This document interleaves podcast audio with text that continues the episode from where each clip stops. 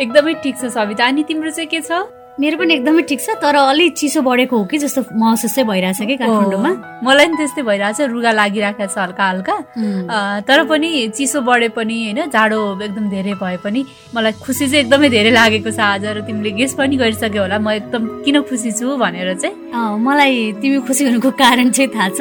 एउटा कारण एक महिना भयो हामीले पडकास्ट सुरु गरेको अनि अर्को भनेको चाहिँ जेन्युन जेन्युन फिडब्याकहरू दिनुभएको छ हामीलाई माया गर्ने शुभचिन्तकहरूले। त्यो कारणले गर्दाखेरि पनि तिमी खुसी भएको छ र म पनि एकदमै खुसी भइरहेको छु। एकदमै र जेन्युन कमेन्टहरू पनि उहाँहरूले चाहिँ अझ फर्मल भयो प्रोग्राम इन्फर्मल बनाउनु पर्यो भनेर कमेन्ट दिनुभएको छ। त्यसलाई समेट्ने गरेर चाहिँ हामी कार्यक्रम पनि उत्पादन गर्छौँ। यो चाहिँ हाम्रो तर्फबाट एउटा बाछा भन्ने प्रतिबद्धता भनौँ। कार्यक्रममा अलि पोजिटिभ फिडब्याक मात्रै इन्सर्ट गरे जस्तो लाग्यो मलाई।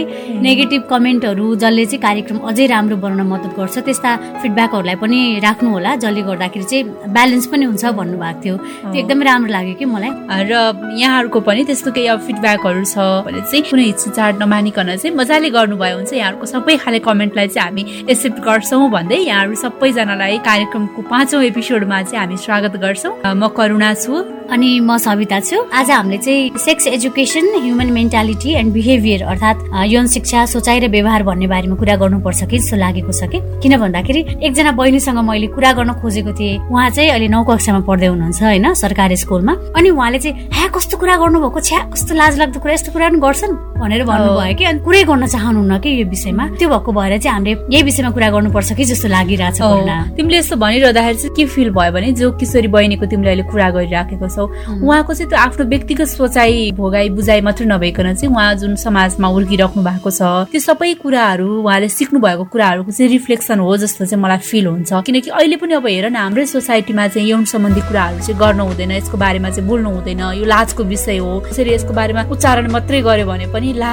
यो त एकदम खत्तम रहेछ उसको क्यारेक्टरमा समेत क्वेसन मार्क गर्ने चाहिँ हाम्रो ट्रेन्ड त्यस्तो बसेको छ नि त। हो तिमीले भने जस्तै अब यो कुराले गर्दाखेरि चाहिँ बालबालिकाको मस्तिष्कमा चाहिँ पछिसम्म पनि नकारात्मक छाप परिरहेको छ। जसले गर्दा जस्तो सुकै समस्या आइपरे पनि उनीहरूले लुकाएर राख्छन् कि? तिमीले एकदमै ठिक कुरा गर्यो सविता र मलाई चाहिँ कस्तो लाग्छ भने चाहिँ यो सिकाइहरू उनीहरूमा विकसित हुँदै जानुमा चाहिँ उनीहरू मात्रै चाहिँ जिम्मेवार चाहिँ छैनन् कि? सँगसँगै उनीहरूको अभिभावक उनीहरूको बुवा आमा विशेष गरी उनीहरूको शिक्षक शिक्षिका जोसँग चाहिँ उनीहरू धेरै समय बिताइराखेका हुन्छन्। त्यो सबैजनाको सोचाइ चाहिँ फराकिलो हुन नसक्दा अथवा ती सबैले चाहिँ उनीहरूलाई यौन शिक्षा भनेको यो हो यो यो कुराहरू चाहिँ तिमीले सिक्नुपर्छ सिक्नु हुँदैन भनेर चाहिँ सिकाउन नसक्दाखेरि चाहिँ उनीहरूमा सानैदेखिको योसँग सम्बन्धित डरहरू चाहिँ बढ्दै जाने। त्यसले गर्दाखेरि चाहिँ मनमा अनेकौँ प्रश्नहरू जिज्ञासाहरू आफूमै भएको समस्याहरू पनि आफैमा दबाएर राख्ने गर्दाखेरि चाहिँ उनीहरूले सही यौन शिक्षा पाउँदैनन् जसले चाहिँ उनीहरूलाई शारीरिक मानसिक भावनात्मक रूपमा नै अगाडि बढ्नको लागि पनि बाधा चाहिँ खडा गरिराखेको हो कि जस्तो पनि मलाई लाग्छ।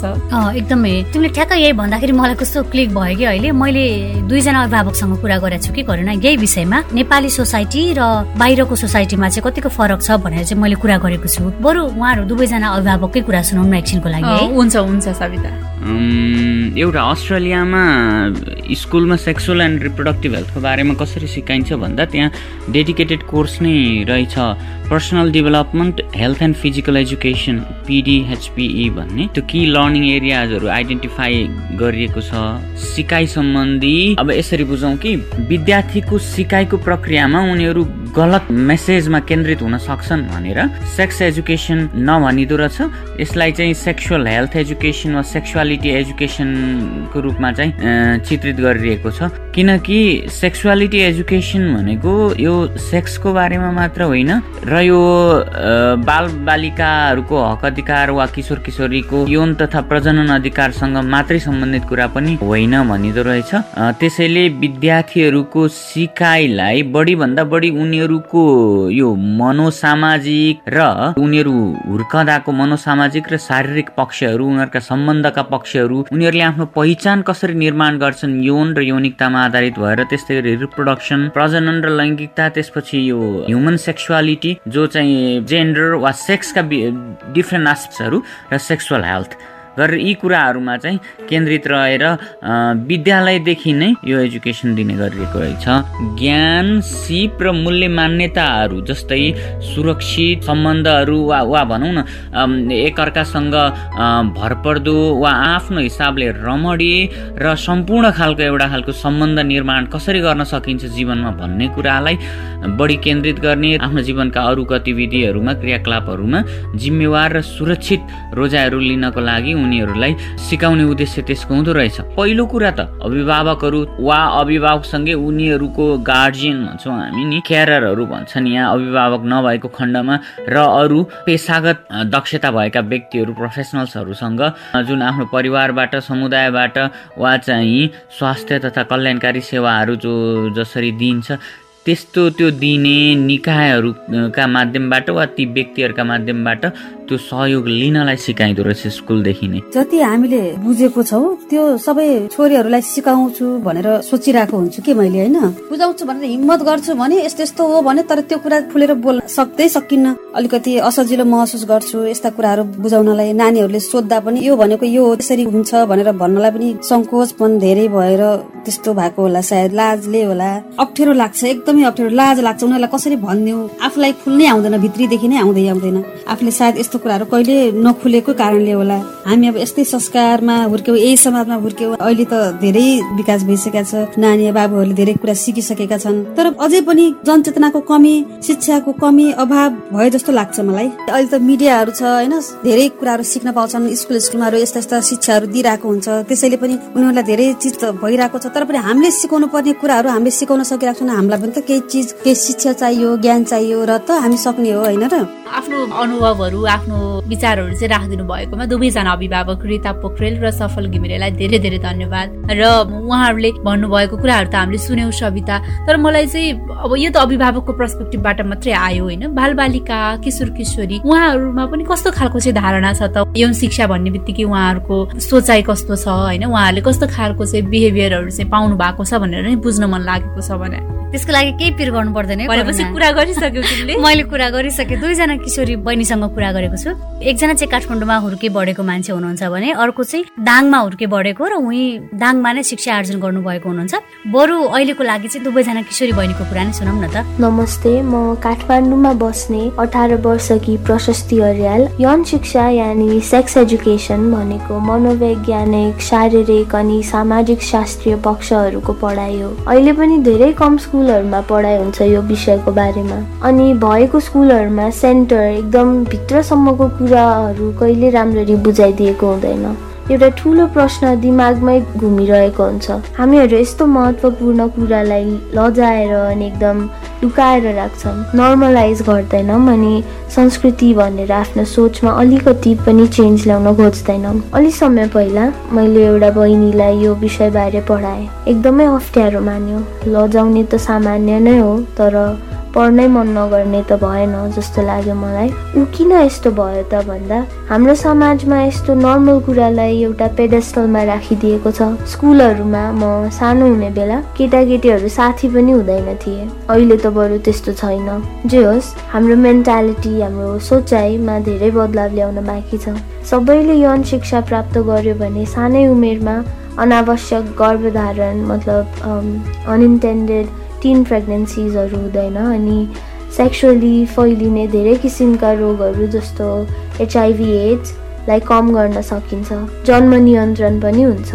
मेरो हिसाबमा यौन शिक्षातिर अलि बढी जोड दिनुपर्छ स्कुलहरूले। हामी बायोलोजीमा ह्युमन एनाटोमी त पढ्छौँ रिप्रोडक्सन पढ्छौँ तर रिप्रोडक्सनको स्टेजसम्म कसरी पुगिन्छ भनेर चाहिँ पढ पढाइ हुँदैन। के कसो हुन्छ भनेर खुल्ला दिमागले पढाइदिनुपर्छ स्कुलहरूमा। त्यो प्रश्न रहन दिनु हुँदैन। ज्ञान बटुल्ने बेलामा हामी होस् यस्तो त के पढ्नु भनेर बसेका छौँ। यो सोचाइमा बदलाव ल्याउनु पर्छ नमस्ते मेरो नाम परिधि पोखरेल। म अहिले राप्ती प्राविधिक शिक्षालयमा एनिमल साइन्स पढिरहेकी छात्रा हुँ। सेक्स एजुकेसन प्रति मेरो धारणा पहिले भन्दा धेरै चेन्ज भएको छ। पहिले म यसको बारेमा कुरा गर्दा हिचकिचाउँथे डराउँथे। अरू कोहीले पनि यसको बारेमा मेरो अघि कुरा गर्यो भने म आफैलाई अप्ठ्यारो लाग्थ्यो। नानी यो कुरा गर्नु हुँदैन है। यो कुरा समाजमा गर्यो भने तिमी चरित्रहीन कहलाउँछौ भन्ने डर देखाउनु भएको थियो। सायद त्यसैले पनि होला मलाई यो कुरा गर्न मन पर्दैन थियो या भनौँ मलाई डर लाग्थ्यो। कक्षामा पनि हेल्थ सब्जेक्ट पढ्दा सेक्स एजुकेसन टपिक सुन्न साथ सबै साथीहरू हाँस्थे अप्ठ्यारो मान्थे लजाउँथे।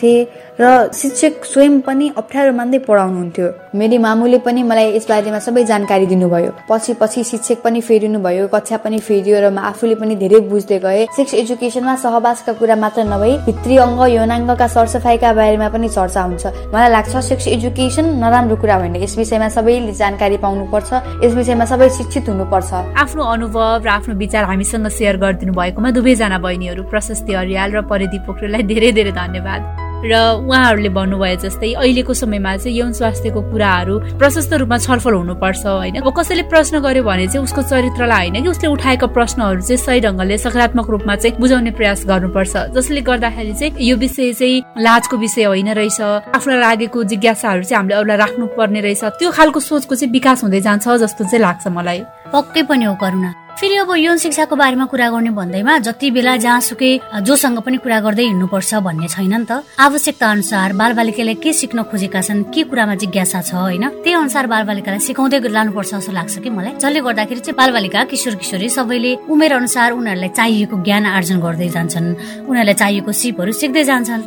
एकदमै हो र यसरी समय समयमा अथवा उनीहरूको अवस्था हेरेर यौन स्वास्थ्यको विभिन्न पाटाहरूलाई चाहिँ केलाउने उनीहरूमा आउने यौन सुक्ताहरूलाई अथवा विभिन्न प्रश्नहरूलाई चाहिँ यो ठिक हो यो बेठिक हो अथवा यो यस्तो समस्या हुँदाखेरि यस्तो खालको सुक्ता आउँदा चाहिँ तिमीले यसरी कोप गर्नुपर्छ भनेर उनीहरूलाई बुझाउने हो भने चाहिँ उनीहरूले सानैबाट सही ज्ञानहरू चाहिँ आर्जन गर्न सक्छन् र उनीहरूमा भएको गलत धारणाहरू यौनसँग उनीहरू जोडिएका गलत मेन्टालिटीहरूलाई पनि उनीहरूले चाहिँ कम गर्दै लैजान सक्छन् जस्तो चाहिँ मलाई लाग्छ। त्यही त करुणा तर अब यसरी बालबालिकालाई सिकाउने समयमा चाहिँ बुवा आमा शिक्षक तथा अभिभावकले नै अप्ठ्यारो मान्नु भयो अनि हामीले अब जे सिकेका थियौँ बालबालिकालाई त्यही सिकाउनु पर्छ भन्ने सोच राख्नु भयो भने त अब सोच सोच्नुहोस् न एकचोटि तपाईँको बालबालिकाले त गलत धारणा बनाएरै राख्छ नि यौन शिक्षाको बारेमा। त्यही भएर उनीहरूलाई यौनसँग सम्बन्धित जिज्ञासालाई लिएर चाहिँ उसको मनमा नकारात्मक धारणा नहोस् भन्नको लागि चाहिँ सिकाइ चाहिँ सहज हुनु पर्यो र त्यसको लागि अभिभावक शिक्षकले चाहिँ उनीहरूसँग राम्रो तरिकाले कुराकानी गर्ने उनीहरूले सोधेको कुराहरू चाहिँ राम्रोसँग सिकाउने गर्नुपर्छ जस्तो लाग्छ।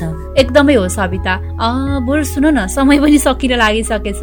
अर्को हप्ता चाहिँ हामी फेरि कुराकानी गर्न आइहाल्छौँ। सेक्सुअल एन्ड रिप्रोडक्टिभ हेल्थसँग जोडिएका भ्रम र अन्धविश्वास के के छ भन्ने विषयमा हामी छलफल छलफल गर्छौँ। बरु अहिलेको लागि चाहिँ बिदा नै माग्ने हो कि? हुन्छ करुणा। यौन तथा प्रजनन स्वास्थ्य अधिकारका विषयमा हामीले अब स्वस्थ रूपमा छलफल गर्नुपर्छ भनेर सुरु गरेको पडकास्ट श्रृङ्खला गुलाबी सम्वाद अटिने स्टक। तपाईँलाई कस्तो लागिरहेको छ? हामीलाई Gulabi Samvad at Gmail dot com G U L A B I S A M B A D Samvad at Gmail dot कममा हामीलाई इमेल गर्न सक्नुहुन्छ अथवा हाम्रो फेसबुक पेज पनि छ Facebook dot com slash Gulabi सम्वादमा पनि हामीलाई आफ्नो कुराहरू भन्न सक्नुहुन्छ। त्यसै गरी इन्स्टाग्राम ह्यान्डल गुलाबी संवाद अनि ट्विटर ह्यान्डल अट इन स्टक अथवा चाहिँ साउन्ड क्लाउडमा गएर पनि हाम्रो कार्यक्रम सुन्न हामीसँग इन्ट्रेक्सन गर्न चाहिँ सक्नुहुन्छ मजाले। र त्यो सँगसँगै चाहिँ हामीले उठाउने विषयवस्तु अर्थात् यौन तथा प्रजनन स्वास्थ्यसँग सम्बन्धित सामग्रीहरू चाहिँ हाम्रो blog address W W W dot Gulabi Samvad dot blog spot dot कममा पनि हामीले प्रकाशन गरेका छौँ। ती सामग्रीहरू पनि तपाईँले पढ्न र आफ्ना पनि त्यस्तै अनुभवहरू भोगाईहरू चाहिँ विषयसँग सम्बन्धित छन् भने लेखेर अथवा रेकर्ड गरेर पनि हामीलाई पठाउन सक्नुहुनेछ। यो त भयो हामीलाई सम्पर्क गर्ने विभिन्न माध्यमहरू। त्यसै गरी तपाईँले हाम्रो यस पडकास्ट श्रृङ्खला गुलाबी सम्वाद अटिने स्टक विभिन्न रेडियो स्टेसनहरूबाट पनि सुन्न सक्नुहुनेछ।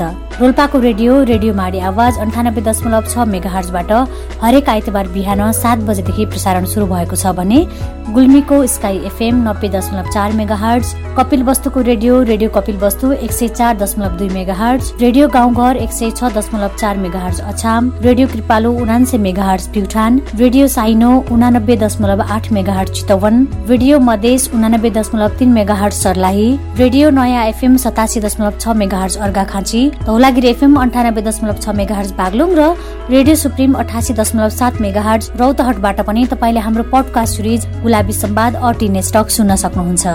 यी विभिन्न रेडियो स्टेसनहरूबाट चाहिँ आफूलाई पाएक पर्ने समयमा कार्यक्रम सुन्नुहोला भन्दै अहिलेको लागि भने पडकास्ट सिरिज गुलाबी सम्वाद अटिने स्टकको पाँचौँ श्रृङ्खलाबाट सविता र करुणा दुवैजना विदा माग्छौ नमस्ते। अर्को श्रृङ्खलामा हामी फेरि भेट्नेछौँ।